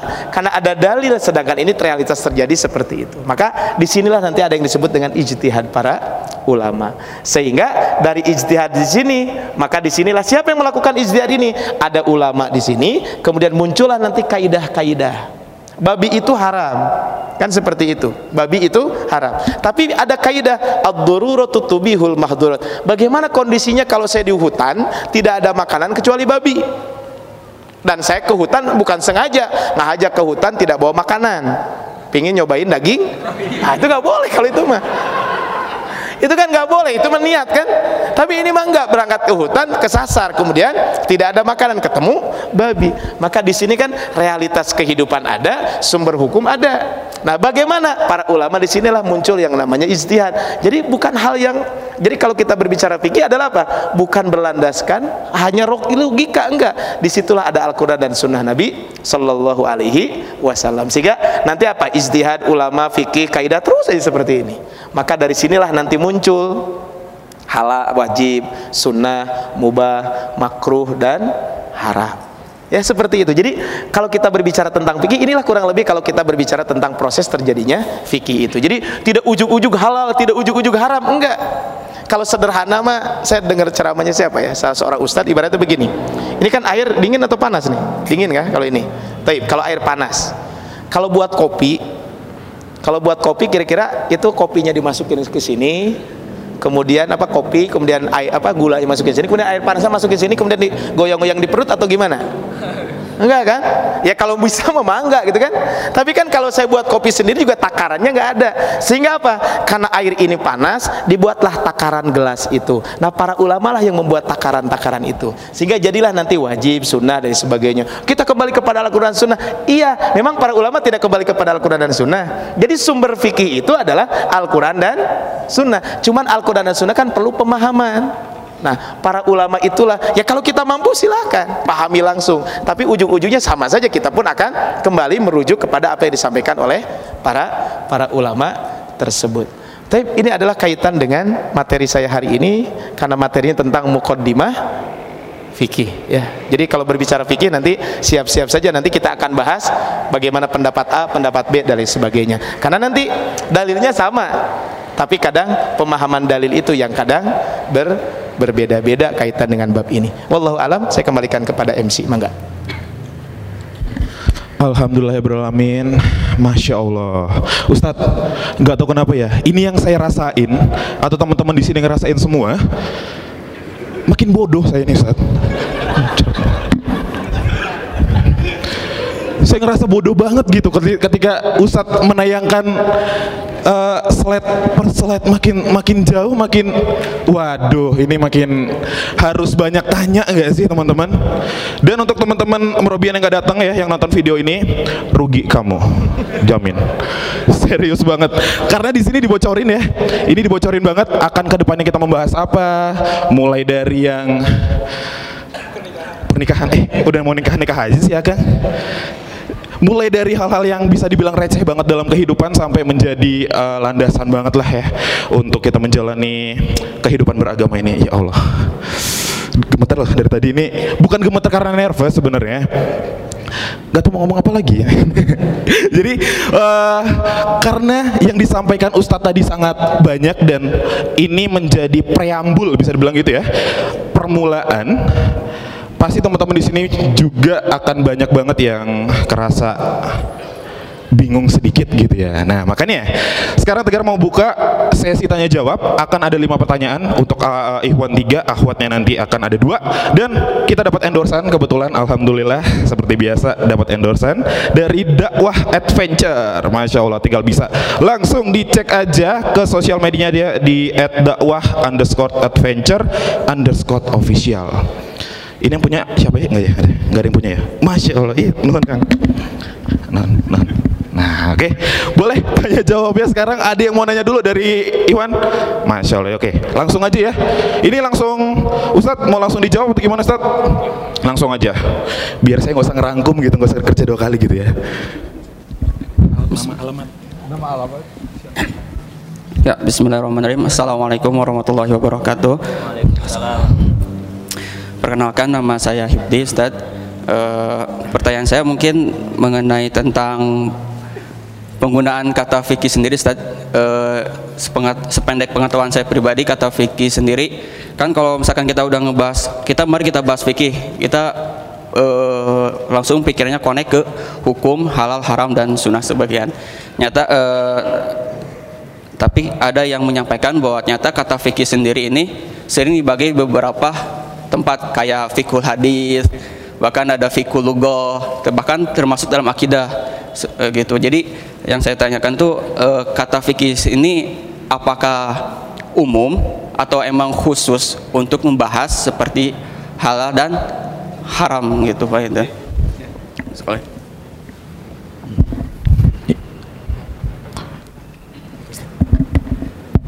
Tapi uh, kaitan dengan fikih ini ya. Sebelumnya mungkin saya bahas dulu kaitan dengan bagaimana fikih di zaman Nabi Shallallahu Alaihi Wasallam gitu ya. Apakah di zaman Nabi itu ada kaitan dengan fikih atau tidak? Ini juga kan penting kita bahas dulu sebelum membahas tentang tadi kaitan dengan fikul lugoh dan lain sebagainya. Tapi kalau kita kalau kita lihat di zaman Nabi istilah fikih itu ada memang. Bahkan Rasul menyampaikan inna la salatir rajul wa qisari khutbatihi sesungguhnya ya panjangnya salat seseorang seorang imam kemudian pendeknya khutbah seseorang ma'innatu min fiqhi itu merupakan bagian dari fikihnya jadi Rasul pun pernah menyampaikan itu. Dan kalau kita berbicara di zaman Nabi yang namanya fikih itu adalah lebih umum. Sehingga yang disebut dengan faqih faqih itu adalah orang yang memiliki ilmu yang mendalam dalam agama dan teks-teks agama yang lain tadi ya jadi kalau kita berbicara tentang fikih. Nah cuman kalau sekarang berbicara tentang fikih itu fikih identik dengan al ilmu bil ahkam asy'ariyah al amaliyah al muktasab min adillati tafsiliyah. Jadi lebih kaitan dengan tadi. Kalau kita berbicara fikih biasanya berbicara tentang ini. Tentang apa? Tentang kaitan dengan wajib sunnah dan lain sebagainya. Walaupun ketika sebenarnya fiqhul lughah tapi kan hanya pembahasan saja. Ada namanya fiqhul lughah ada fiqhul hadis. Tapi apakah salah? Enggak. Jadi tergantung penggunaannya. Seperti gini sunnah sunnah itu kan bisa jadi sunnah itu maknanya adalah ini sunnah Sunnah itu apa? Contohnya di sini kan makna sunnah itu apa? Kan di sini ada wajib, ada sunnah. Dikerjakan perpahala tapi dikerjakan tidak berdosa. Tapi ada juga sunnah lawan kata dari bid'ah. Sunnah bid'ah kan? Tapi ada juga sunnah itu temannya hadis, eh, temannya Al-Quran, Al-Quran dan As-Sunnah. Nah, makanya bagaimana? Ya tentu sekarang, kalau sekarang identik fikih itu dengan dengan apa? Dengan al-amaliyah al-muktasab min adillati tafsiliyah. Memang identik sekarang penggunaan kata fikih jadi lebih menyempit kaitan dengan bab itu. Bahkan eh, Imam uh, Abu Hanifah itu punya buku namanya Al-Fiqhul Akbar. Itu bukan fikih, berbicara tentang akidah. Artinya tidak salah, makanya tapi sekali lagi penggunaan zaman sekarang fikih itu identik dengan hukum-hukum yang tadi kita bahas adalah kaitan ini. Jadi tidak salah apa yang disampaikan oleh sebagian mengatakan fikul hadis dan sebagainya karena asal kata fikih sendiri adalah pemahaman. Sehingga fikul hadis berarti pemahaman tentang hadis hadis itu. Jadi karena penggunaan ilmu fikih sendiri juga kan tidak ada zaman dulu ya. Zaman Nabi kalau disebut ilmu fikih nggak ada kan. Sama seperti ilmu mustalah hadis, ilmu apa? Ilmu uh, apa namanya ilmu kawaid apa sih ilmu apa ilmu kawaid bahasa Arab ya ilmu nahu ilmu sorob kan nggak ada. Cuman istilah-istilah sekarang dijadikanlah ilmu itu. Nah, makanya di kita tidak ada jurusan fikih adanya jurusan syariah contohnya. Nah syariah sendiri juga kan kalau kita berbicara kuliah syariah kira-kira identiknya apa tuh? Kalau di UIN ada yang kuliah di UIN kalau kalau berbicara kuliah syariah berbicara tentang apa kira-kira? Hukum kan? Walaupun syariah itu hukum atau bukan Enggak, tapi kan sudah menjadi satu kosakata yang dihususkan dan di kita juga banyak ya kaitan dengan contohnya Serang, Badeka mana? Badeka Serang. Uihti mana? Uihti Serang. Apa Serang itu kan bisa jadi kalau orang Sunda Serang itu apa? Sawah. Bisa jadi awas lo nanti di, serang itu kan beda deh kan? Berarti menyerang kan? Biasanya Serang itu adalah nama kabupaten kota yang ada di Banten kan istilah-istilah seperti itu juga digunakan di dalam bahasa kita. Tapi tujuannya apa? Ya tentu dilihat tentang apa yang dimaksud dengan ini. Kalau fikul lughah berarti mal mungkin halal haram gitu ya. Penggunaan insya Allah pakai SY apa pakai SH. Nah itu bukan fikih itu ngebahasnya ya. Itu fikul lughah namanya. Bagaimana pemahaman tentang tentang bahasa seperti itu ya. Itu kan Allah a'lam. Masya Allah. Bingung? Bingung? Pertemuan selanjutnya akan dijawab lebih lengkap gitu. Oke, untuk teteh-tetehnya ada? Nah, boleh. Ih, ke sini iri ya. Ya, Assalamualaikum warahmatullahi wabarakatuh. Ustadz Jazakallah khair buat ilmunya. Uh, Ustadz uh, untuk pertanyaan saya, ketika kita memilih untuk mana fikih yang menurut kita terbaik gitu untuk kita amalkan. Itu kira-kira uh, indikatornya seperti apa aja Ustadz? Soalnya untuk yang saya yakini setiap Ustadz tentunya uh, berlandaskan dari Quran dan Sunnah. Sedangkan orang awam kayak saya tuh mungkin karena memang kurang ilmu juga jadi mungkin kurang bisa tahu mana ya yang misalnya yang terbaik. Misalnya untuk sebutlah misalnya tentang uh, GoPay misalnya kayak gitu dan hal-hal yang sifatnya dinamis lainnya baik sekian Ustadz terima kasih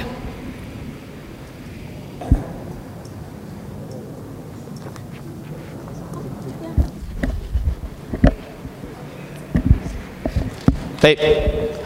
Di dalam fikih itu ada disebut dengan taklid, ada disebut dengan mujtahid.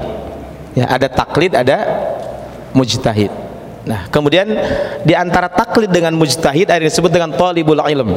Walaupun ini istilah saya, istilah gua apa? Saya, bukan saya tidak disebutkan, cuman istilah talibul ilm ini istilah guru saya aja. Guru saya pernah menyampaikan, jadi ada taklid, ada mujtahid. Kalau mujtahid tentu dia mengambil dalil langsung dari Al-Quran dan Sunnah Nabi. Itu kan kalau dia sebagai seorang mujtahid. Kalau kita, kita ini semuanya adalah mukallid. Kita ini semuanya adalah orang yang taklid. Taklid kepada siapa? Kepada pendapat ulama. Disadari atau tidak kita taklid sebenarnya. Karena kita mengambil satu pendapat. Contoh gini wudhu batal atau enggak? Eh wudhu batal atau enggak? Bersentuhan laki-laki dan perempuan batal atau enggak wudhunya Ya kalau dengan bukan kalau dengan lawan jenis kan memang nggak boleh ya. Tapi seandainya bersentuhan, batal atau enggak? Bagi yang mengambil batal pasti dia mengikut pendapat A, bagi yang mengambil tidak pasti mengambil pendapat B.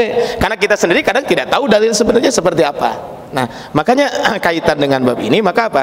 Nah, maka yang ke, yang apa kita ini sebagai mukallid. Nah, kemudian karena kita sebagai mukallid, nah jangan sampai kita taklid kita itu hanya taklid buta tingkatkan derajat kita naik sedikit taklid kita berlandaskan ilmu. Sehingga kita gini saya mengambil pendapat A maka saya mengambil pendapat ini berlandaskan ilmu.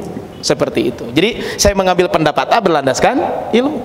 Sehingga kita ada lebih kuat ketika mengambil pendapat itu. Nah ini kan budayakan sebetulnya kan kita masih muda-muda nih ya. Karena saya juga masih pemuda ya. Pemuda zaman sekarang kan sampai berapa tahun tuh?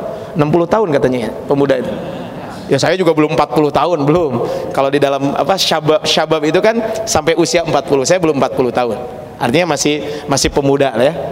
Nah, kan kita masih muda nih. Maka setiap ada masalah apa pun, maka apa? Maka kita landasi. Tentu kita akan mengambil pendapat A dan B. Nah, terus bagaimana kita mengambil pendapat siapa kan pertanyaan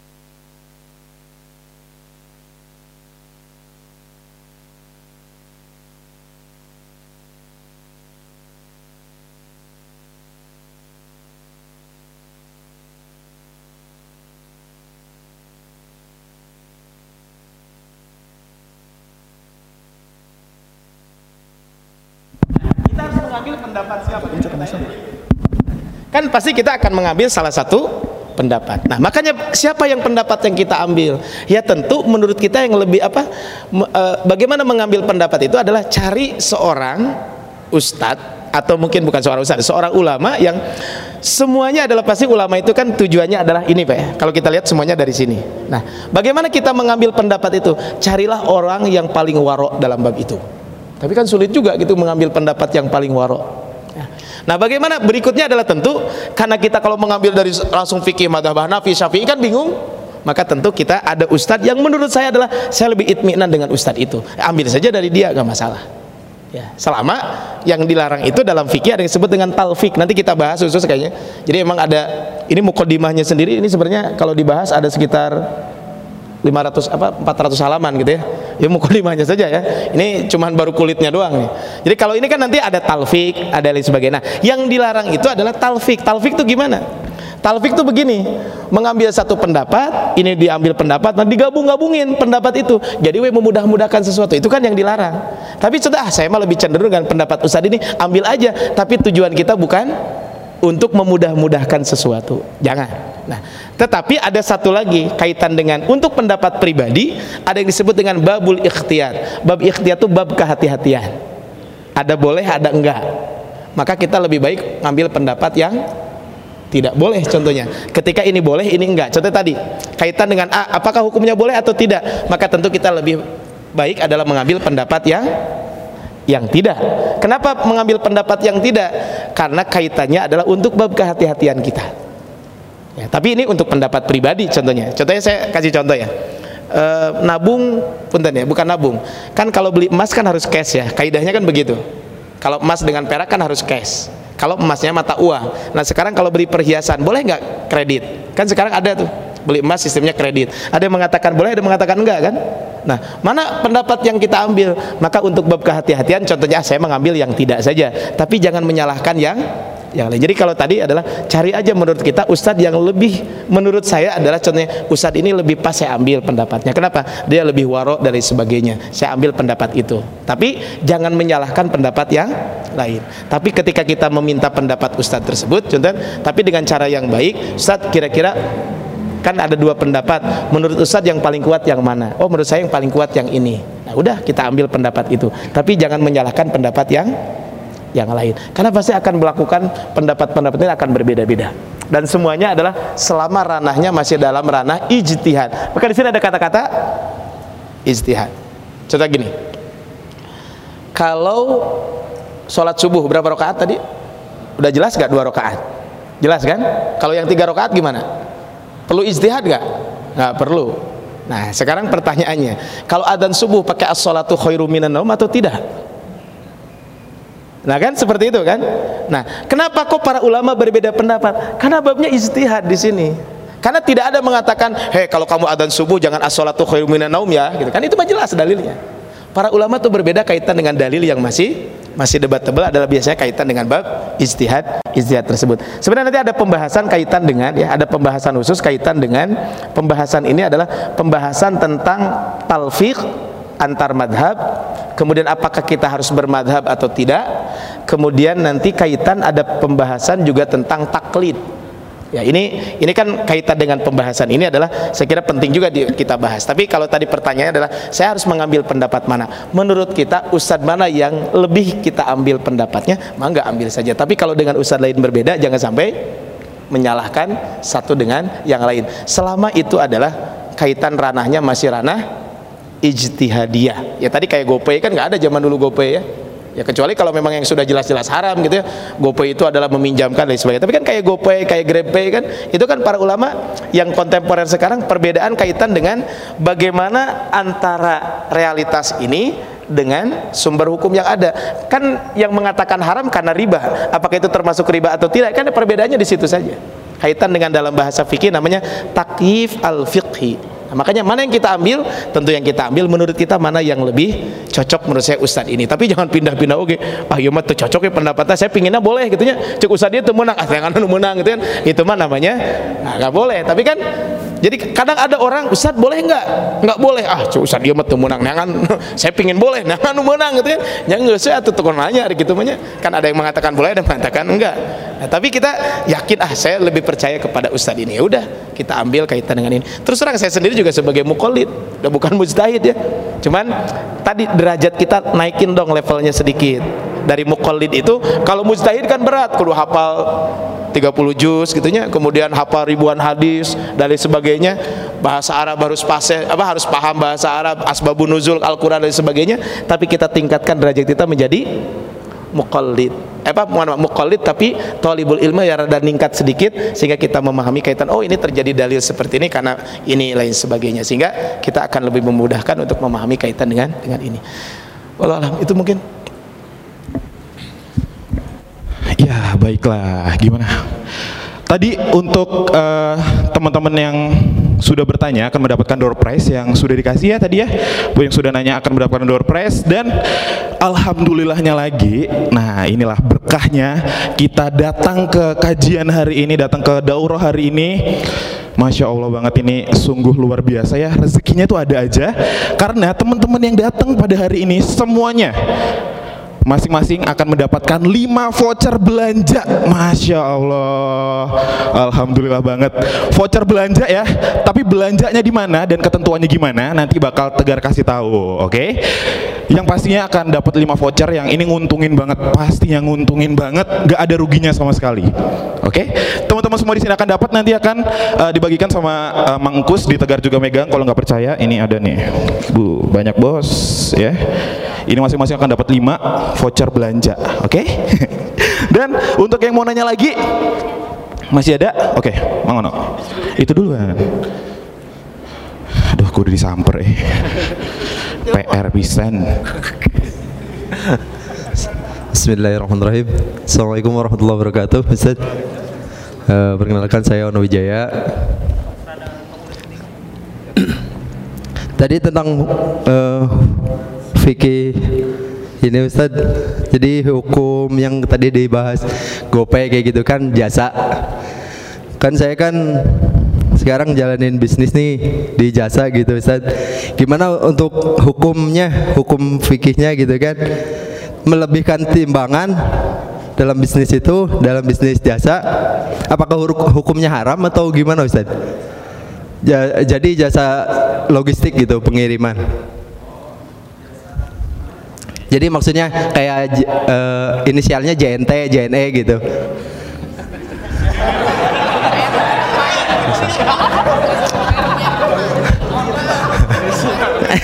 Jadi kan misalkan timbangannya sekilo lebih sekian itu masuknya dua kilo gitu Ustaz. Nah, kan katanya hukum melebihi timbangan itu kan nggak boleh katanya. Makanya biar bisnisnya makin halal dan berkah itu hukumnya gimana Ustaz menurut Islam itu? Terima kasih. Assalamualaikum warahmatullahi wabarakatuh.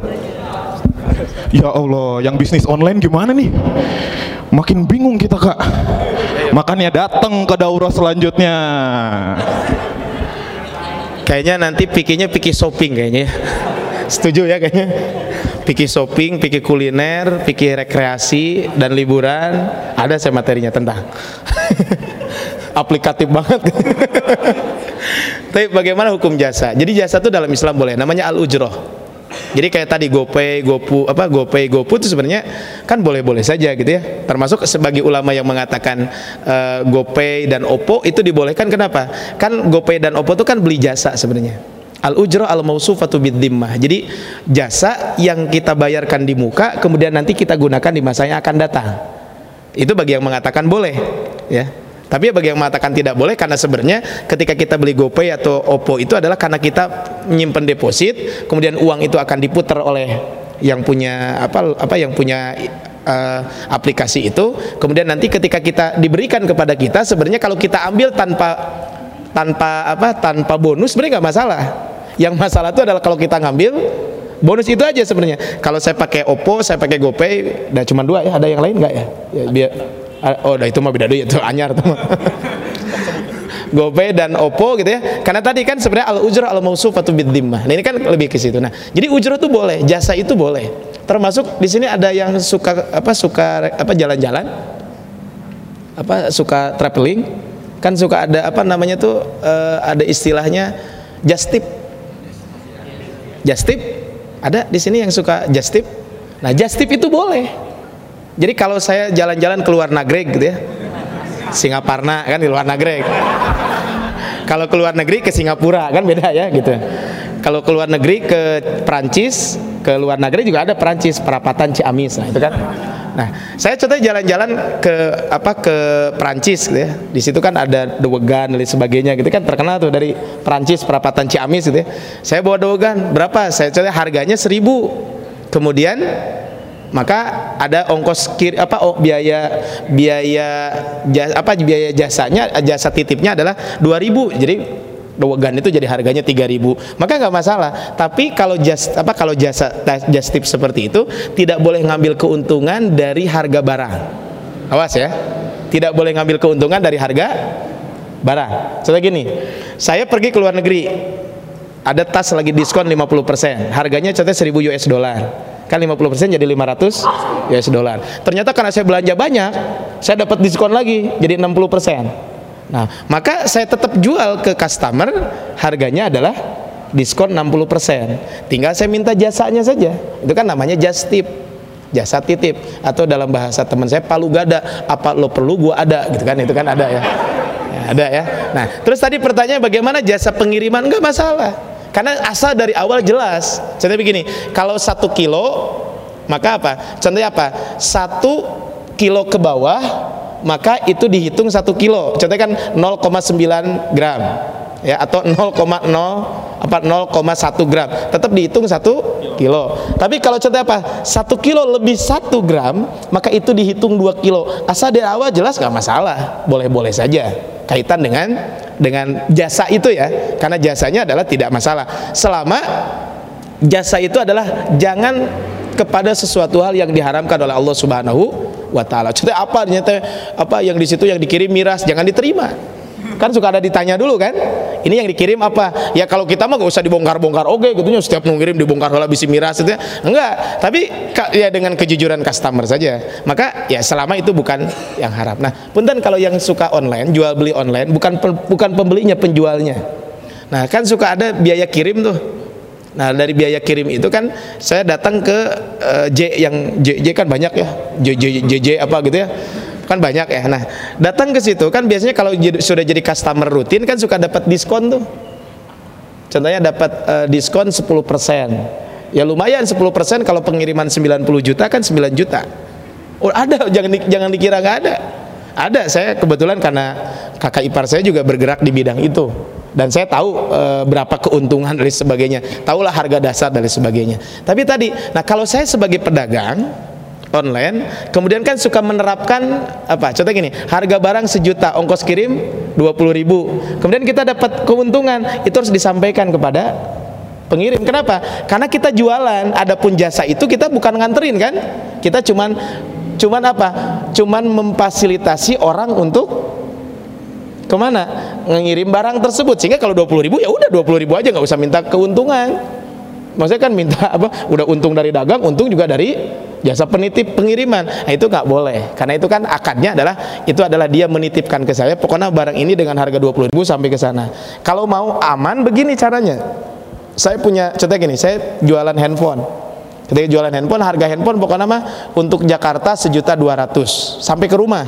Ya terserah saya. Itu mah kan berarti kan sejuta dua ratus. Sehingga ketika saya dapat diskon nggak masalah itu mah. Karena memang saya jualan sejuta dua ratus sampai ke Jakarta. Kalau ke Jawa Timur saya ada ini sekian dan sebagainya. Itu banget nggak masalah. Tapi kalau tadi minta keuntungan dari itu nggak boleh. Jadi boleh ya nggak apa-apa. Asal tadi timbangannya jangan di mainin contohnya sekilo jadi sekilo setengah gitu kan. Kan bisa aja dimainin dari belakang. Jadi wailulil mutafifin itu kan kisahnya dulu ada pedagang punya timbangan dua. Satu timbangan untuk menjual yang satu lagi timbangan untuk membeli jadi dua timbangan satu untuk menjual satu untuk membeli. Nah ketika dua timbangan itulah satu untuk menjual satu untuk membeli jika beda. Kalau untuk menjual contohnya apa? Sekilo ternyata setelah di kilo di rumah cuma 9 os atau 900 gram. Tapi begitu membeli ke orang satu kilo ternyata satu kilo 2,2 apa 1,2 kilo. Itu kan berarti ada kelebihan 200 gram. Nah itu yang dilarang di dalam syariat pastikan timbangan itu adalah mungkin ada istilah kalibrasi ya timbangan itu ya kan timbangan itu ada masanya tuh.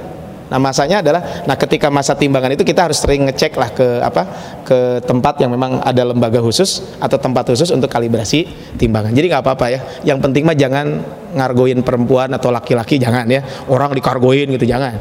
Antum tahu dikargoin itu nggak boleh ya. Walau alam. Itu barangkali ya